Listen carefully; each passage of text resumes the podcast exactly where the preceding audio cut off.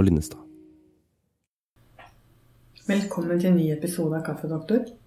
Og I dag skal vi snakke litt om eh, medisiner. Og det kommer egentlig av em, en henvendelse vi fikk fra en lytter som eh, spurte om vi ikke kunne snakke litt om eh, egentlig nedtrappning av antidepressiva. Vi tenkte vi kunne snakke litt om eh, medisiner og avveininger man gjør når man setter i gang medisinering.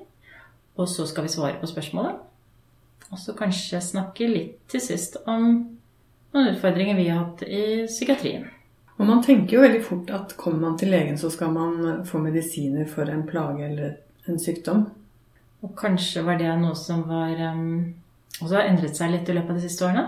Har du merket det i uh, liksom fastlegepraksis? Ja, jeg syns jeg har merket en ganske stor endring faktisk i løpet av de årene jeg har jobbet. Fra at vi hadde den klassiske diskusjonen for en del år siden var jo gjerne småbarnsforeldre som var bekymret for barn med feber, som gjerne ville ha antibiotika. Og eh, vi måtte forklare hva som virker og hvorfor. Ja, F.eks. For forskjellen på bakterier og virus. Ja. Det syns jeg husker fra jeg var i all praksis. Ja, sånn, og, og det er jo eh, få foreldre som insisterer på antibiotika nå, for å si det sånn. Um, og nå føler jeg jo kanskje at istedenfor uh, en situasjon der vi må overbevise en pasient om hvorfor vedkommende ikke skal ha medisiner, eller medisiner til barna sine, så handler det mer om at vi må prøve å forklare hvorfor vi anbefaler det. Og det handler vel egentlig mye om at det er mer fokus på i media, det er mer fokus på hvordan uh, vi påvirkes av legemiddelindustrien, hvordan markedskreftene rår. Kanskje også litt i forhold til eh, et fokus på på en måte en ren kropp. Det er jo utrolig mye um, rundt yoga. Vi skal spise riktig, vi skal trene. Vi skal på en måte være sånn litt ubesudlet. Og at medisiner oppleves litt som en, både et nederlag fordi det, du dermed sier at kroppen ikke fungerer optimalt, og at det i mange tilfeller også oppleves litt som en gift. At vi inntar stoffer som på en måte ikke er naturlige for oss. da. Jeg tror det er mange som ser på det som sånn som du sier, at det er en slags gift. At det er noe man tilfører som er eh, farlig. Og det er klart at det, det, er ikke mange medisiner som ikke har noen bivirkninger. Og, og Fins det noe? Vet du, Jeg lurer på om det er i hvert fall veldig lite bivirkning med minifon, som er mot luft i magen. Men det, det hjelper kanskje bare mot luft i magen? Ja, sannsynligvis. Ja. Det, er det er godt å vite. Ja. Men ellers så er det jo noe med det meste. Så det er jo veldig greit med en sunn skepsis. Men det er klart at um, uh, man må jo prøve å ha en sånn veloverveid holdning til om det er lurt med medisiner, eller om det er bedre å la være. Du nevnte jo så vidt det med legemiddelindustrien, at um, det er blitt veldig oppmer sånn stor oppmerksomhet rundt penger som knytt, knytter seg til medisinbruk. da. Og i gamle dager så var, jo, var jo legemiddelindustrien veldig tett på oss leger også. Vi har jo vært med fra det tidspunktet hvor det var smøreturer og man fikk store, fine middager, og det er det jo blitt en slutt på. heldigvis. Ja, Vi får ikke lov å gi bort kulepenner engang lenger. Nei. Så det er, det er, veldig endret, og det er jo egentlig veldig bra. Ja. Det er mye diskusjon rundt mange eh, tilstander der man ikke alltid har så sikre, harde endepunkter som det heter. Ja, men harde endepunkter, hva er det? For da snakker man jo f.eks. død. Mm. Det var veldig tungt. Det var voldsomt. for eksempel så har det vært mye diskusjon rundt dette med eh, blodtrykksregulerende medisiner. Fordi at det, det, er ikke noen tvil om at det er en forhøyet risiko for hjerte-karsykdom hvis man går rundt med forhøyet blodtrykk døgnet rundt. Men mm, hvor lavt man skal senke trykket, har det vært mye diskusjon rundt. Og eh, europeiske retningslinjer er vel ganske på linje, mens vi ser at amerikanerne har vært eh, strengere med å få trykket lavere hos folk. Da kan du jo si at hvis du senker trykket fra 140 og setter det som overtrykk, da, og setter det som grense for igangsetting av medisiner, til, hvis du senker det til 130, så snakker vi om millioner flere brukere av blodtrykkssenkende medisin. Ja, og det betyr jo masse selvfølgelig for industrien. Så det er ikke noe tvil om at det, det er eh, det å flytte på disse grensene, som egentlig Vi kan ikke si det er fingeren i været, men det er eh, ikke alltid sånn supergodt grunnlag heller for å flytte på dem. Fordi dette er vanskelige regnestykker. Det, mm, det er en lobby bak. Eh, det tror jeg ikke vi kommer forbi. Nei, det tror ikke jeg heller. Så det er, det er veldig fint med, å, å, med den sunne skepsisen som vi snakket om. Men jeg, jeg tror også at um, hva som rammes av denne skepsisen, styres også en del av media, tror jeg. Fordi sånn som kolesterolsenkende midler eh, har ikke egentlig så fryktelig mye bivirkninger og lite alvorlige bivirkninger og viser seg å ha en betydelig risiko på hjerte-karsykdom. Men da har det vel også med hvor høyt kolesterolet var i utgangspunktet? Ja, ja, det er jo vurderingen. Det, det, gjelder jo ikke generelt friske mennesker. Da snakker jeg jo folk med for høyt kolesterol. Men kan man ikke si der også at det er en eller annen cutoff som er satt, og spørsmålet er om vi greier å finregne på hvor du egentlig behandler utrolig høyt nummer, altså number need to treat, uh, før du unngår et tilfelle, da. Jo, men jeg har inntrykk av, i hvert fall når det gjelder allmennleger Jeg vet at hjerteleger, når det er allerede etablert hjerte-karsykdom, så er hjertelegene veldig strenge med å få ned kolesterolet. Men hvis man tenker mer forebyggende, hvis man ser at altså, Særlig når folk har kanskje litt for høyt blodtrykk, er litt overvektige, røyker Nå er det ikke så mange som røyker mer, da, men det, eh, i hvert fall Man må jo se, se alle risikofaktorene under ett. Jeg sitter med inntrykk av at allmennleger er ikke sånn veldig hissige med å forskrive de medisinene hvis ikke summen tilsier at det er fornuftig. Ja, Så man gjør en avveining. Ja. Og den medisinen syns jeg møter mer motstand mot enn ganske mange andre igjen. Jeg så en overskrift her, jeg husker ikke en sammenheng det var, men hvor det var snakk om kolesterolmedisiner, og hvor det sto 'ikke gi denne medisinen til noen du er glad i'. Noen du er glad i. det var veldig, veldig dramatisk. Ja, veldig.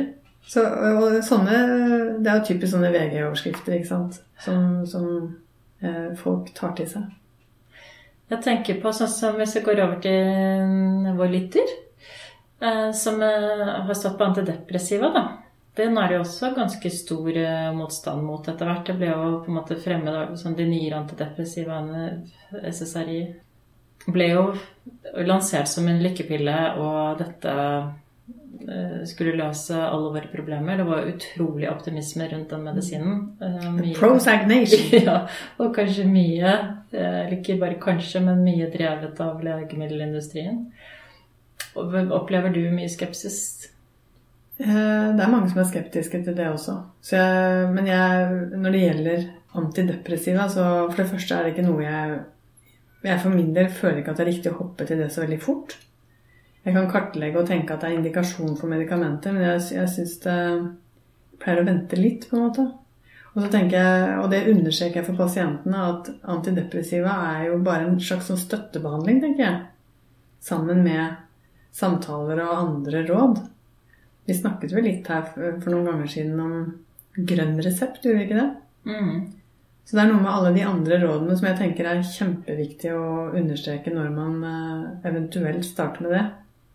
Ja, for det gjelder jo også på en måte det man kan si er psykososiale tiltak da, og fysisk aktivitet. Um, for det har jo vist seg å ha vel så god effekt på lett til moderat depresjon.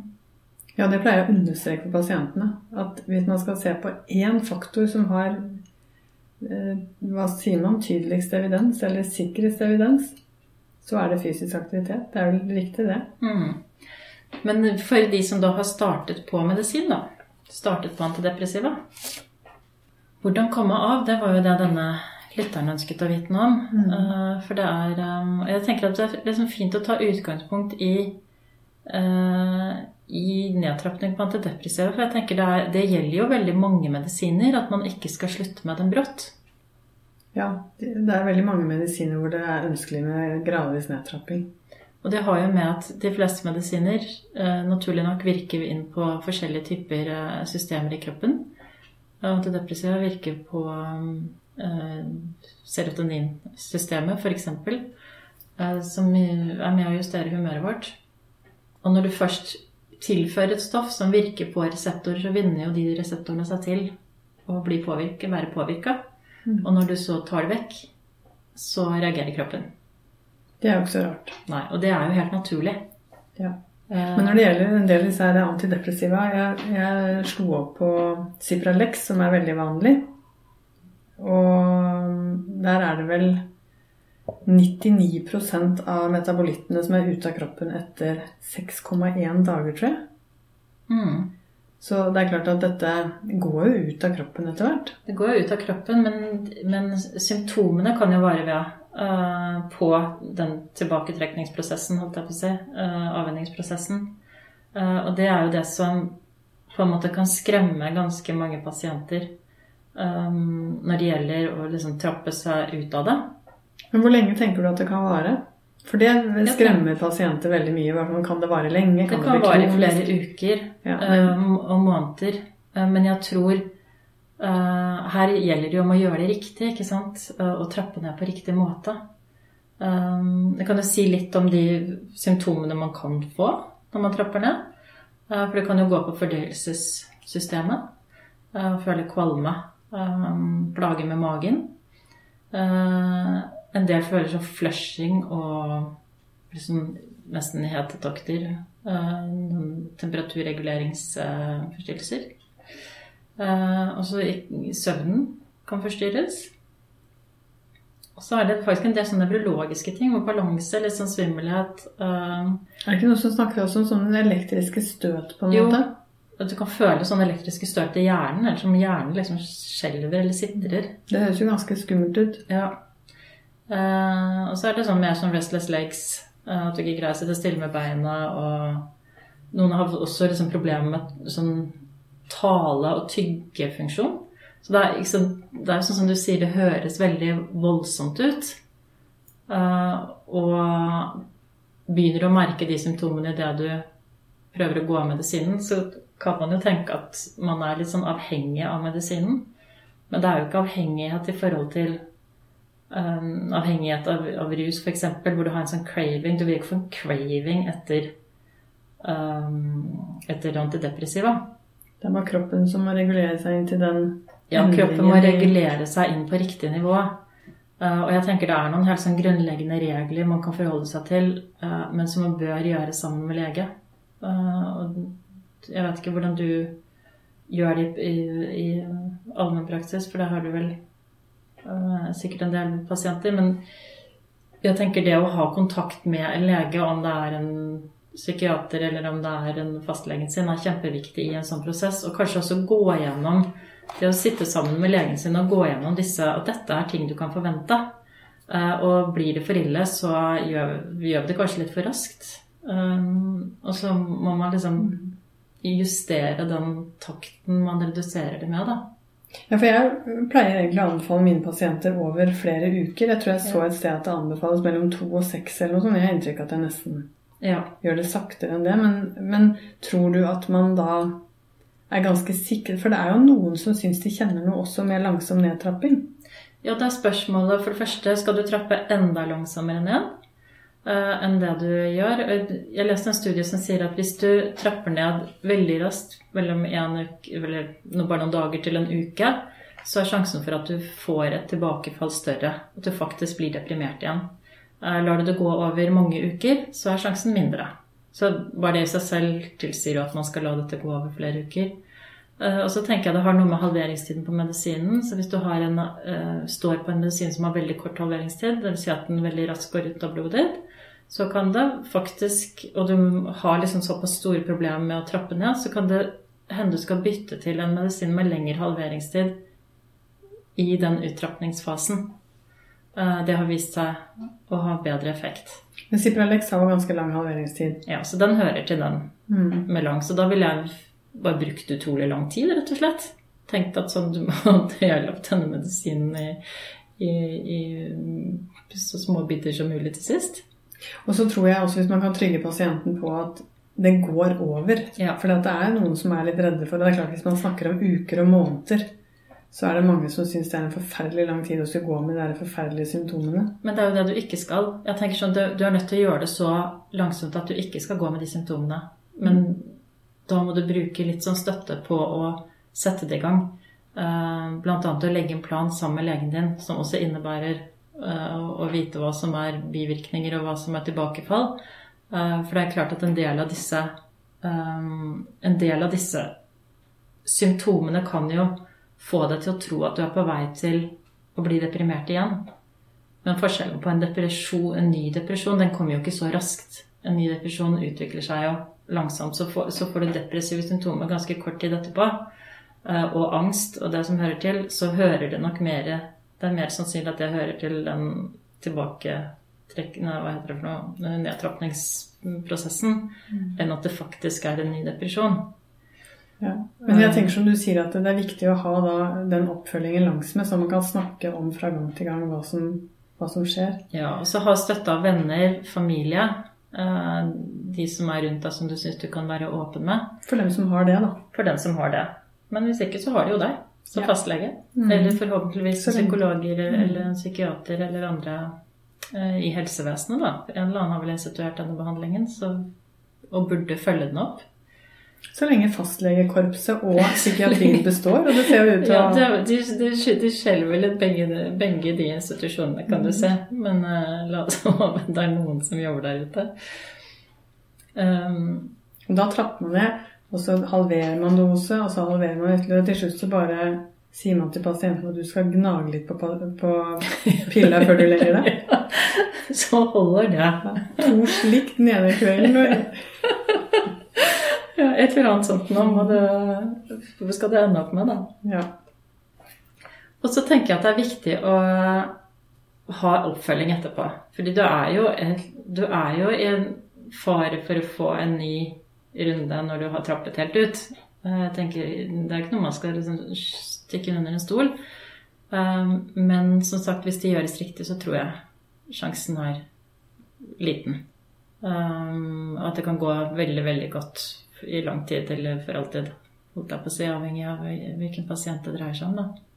Men jeg tenker det å gjøre det liksom litt hånd i hånd kan gjøre det mindre farlig. Og absolutt overkommelig. Min erfaring er egentlig at eh, de aller fleste ikke har noe problem med å slutte med medisiner. Jeg syns jo stort sett det går veldig greit. Jeg pleier å trappe ned langsomt. Ja, jeg tror det er riktig. Jeg tror i de fleste tilfeller så går det bra. Eh, men jeg tenker at det er noen som opplever, eh, opplever disse symptomene, og det å snakke om dem kan ufarliggjøre dem, da, sånn at man tør å stå i prosessen med å gå videre. Ja. Og ikke tenker at altså, dette betyr at jeg må fortsette med det. For jeg, jeg tenker det er uheldig hvis man står på en medisin i ti år, holdt jeg på å si, uten å prøve å gå av dem igjen. Det, det tenker jeg er feil. Ja, jeg tror kanskje det som kan gå galt, er at eh, noen kjenner seg kanskje litt bedre. Eller de får plutselig litt sånn panikk over at 'oi, nå har jeg brukt dette her veldig lenge, jeg må slutte'. Og så gjør de det litt etter innfallsmetoden, og så blir de redde fordi at de får disse symptomene fordi det går for fort. ikke sant? Mm. Pluss at jeg tenker et, et annet råd er skal du først trappe ned på medisin, så skal du være sånn rimelig sikker på at det er stabilt rundt deg. At du trapper ikke ned på medisin idet du er liksom i gang med en uh, flytteprosess eller si, en skilsmisse eller uh, et eller annet som er veldig ustabilt i livet ditt. Uh, gjør en nedtrapping når ting er noenlunde på plass. Ja, det tenker jeg også er et veldig godt råd. Ja. Men sånn som vi snakket litt om innledningsvis Vi er jo ikke slaver av medisiner, og vi vil jo gjerne prøve å tenke litt sånn helhetlig tilnærming. Hva er beste løsning for denne pasienten? Og innen ditt fag så er det jo eh, ganske mye fokus også på medikamentfri behandling, er det ikke det? Jo, absolutt. Og det har vel um, vært båret frem mye av brukerorganisasjoner som uh, har kritisert psykiatrien for å bruke for mye medisiner. Og det er en veldig vanskelig og har vært en veldig betent debatt. Um, og Høie innførte jo um, medisin, eller krav om at um, det skulle være tilbud om medisinfri behandling. Også for de med alvorlig psykisk lidelse, som uh, psykose, bipolar lidelse. Um, og det har jo avstedkommet liksom Ja, hva skal man si?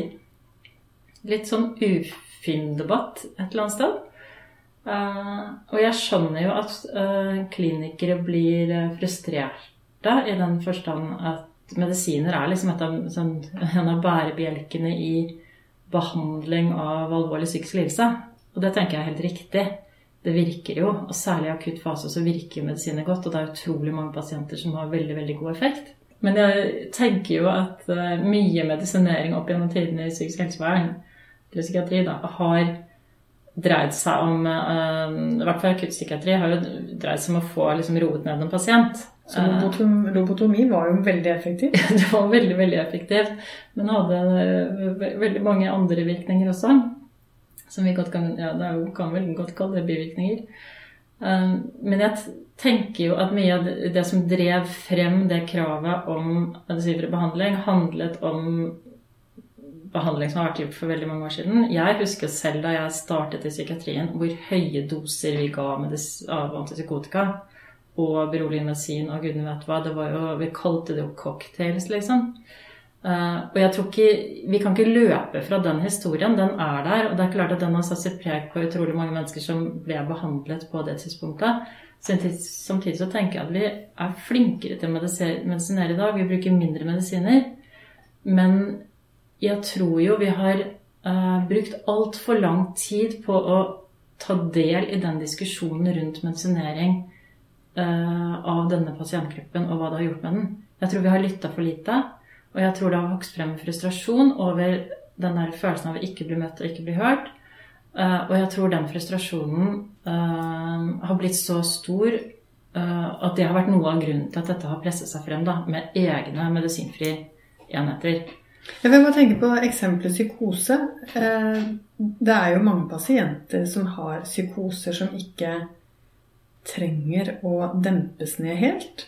Ja, men du kan si at uh, det kommer jo Du behøver ikke nødvendigvis å dempes ned, men du kan si hvis symptomene dine er veldig plagsomme, hvis du hører stemmer hele tiden, så tenker jeg at det i seg selv er såpass forstyrrende på funksjonen din, da. At det er naturlig å gi medisiner uh, selv om du på en måte er dempet i den forstand at du ikke er litt sånn utagerende eller um... Men det går jo på den subjektive opplevelsen igjen. Og jeg tenker ja. vi må jo først og fremst, så lenge folk ikke er farlige, så må vi først og fremst se på den subjektive opplevelsen.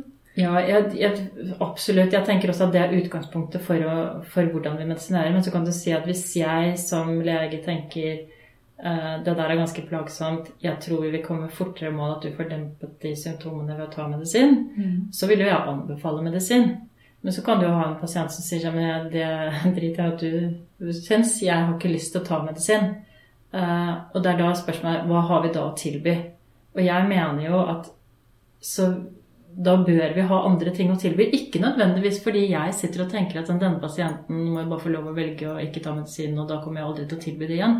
Men jeg tenker, kan vi da komme Det beste hadde vært man kunne komme liksom til å få, sånn fjerne de symptomene ved å tilby andre typer behandling. Kanskje det er terapi, jeg håper å si psykoterapi eller musikkterapi eller hva vi nå kunne komme opp med.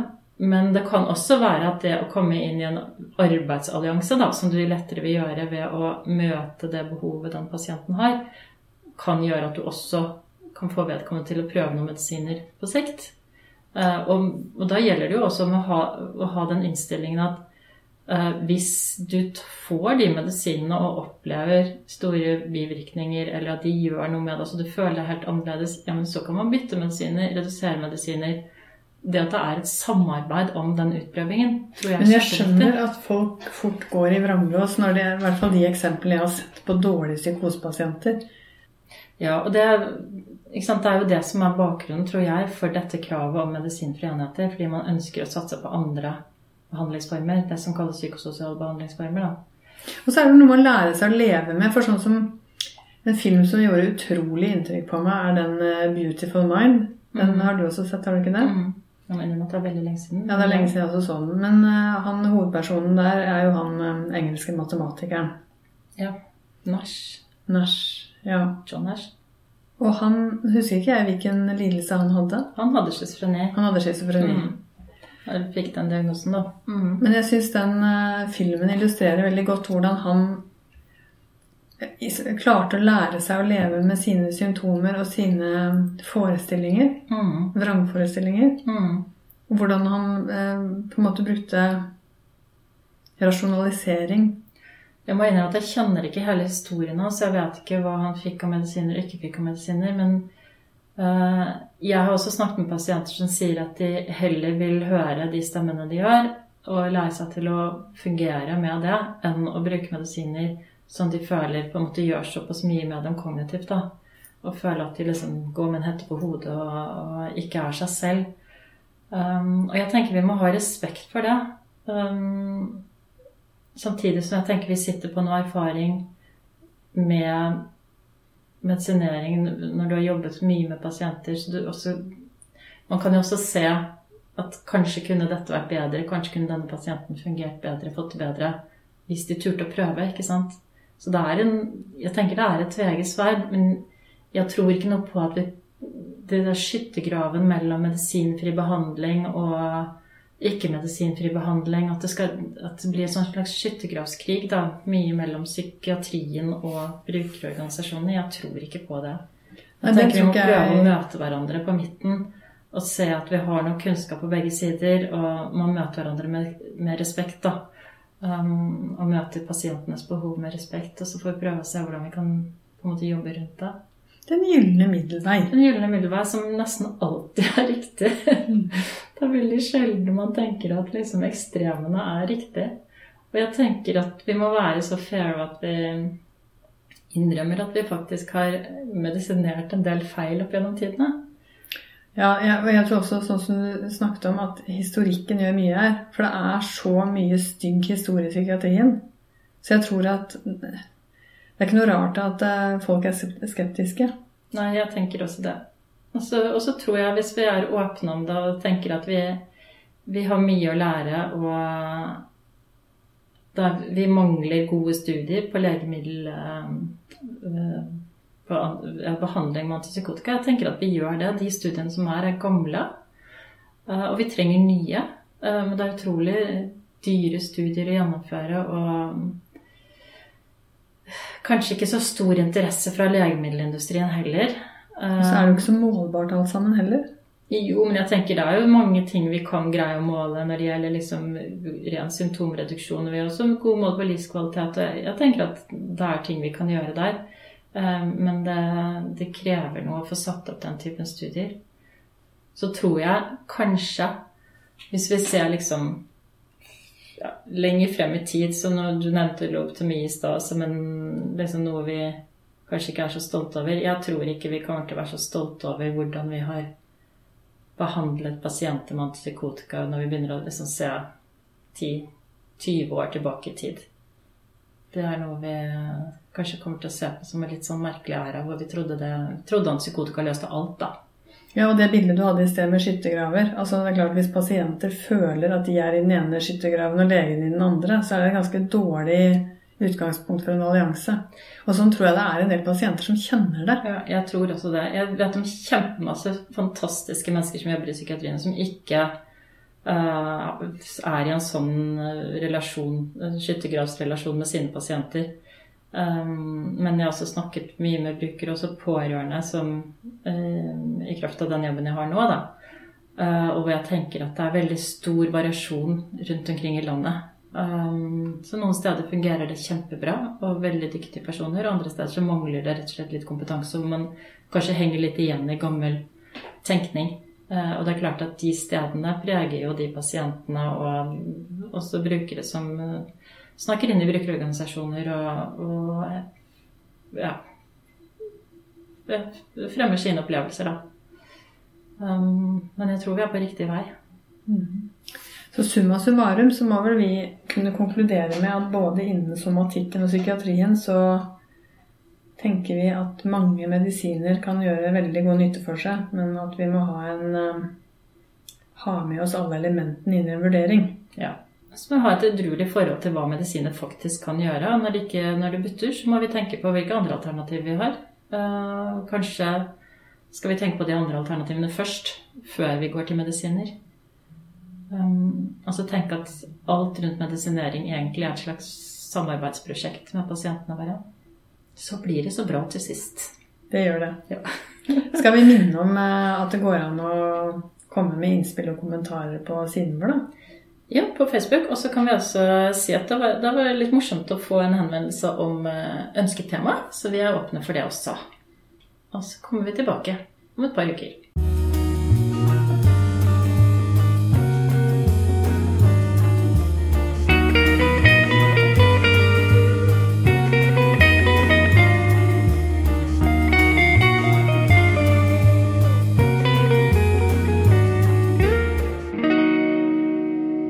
Kaffedoktor med Rom og Linnestad.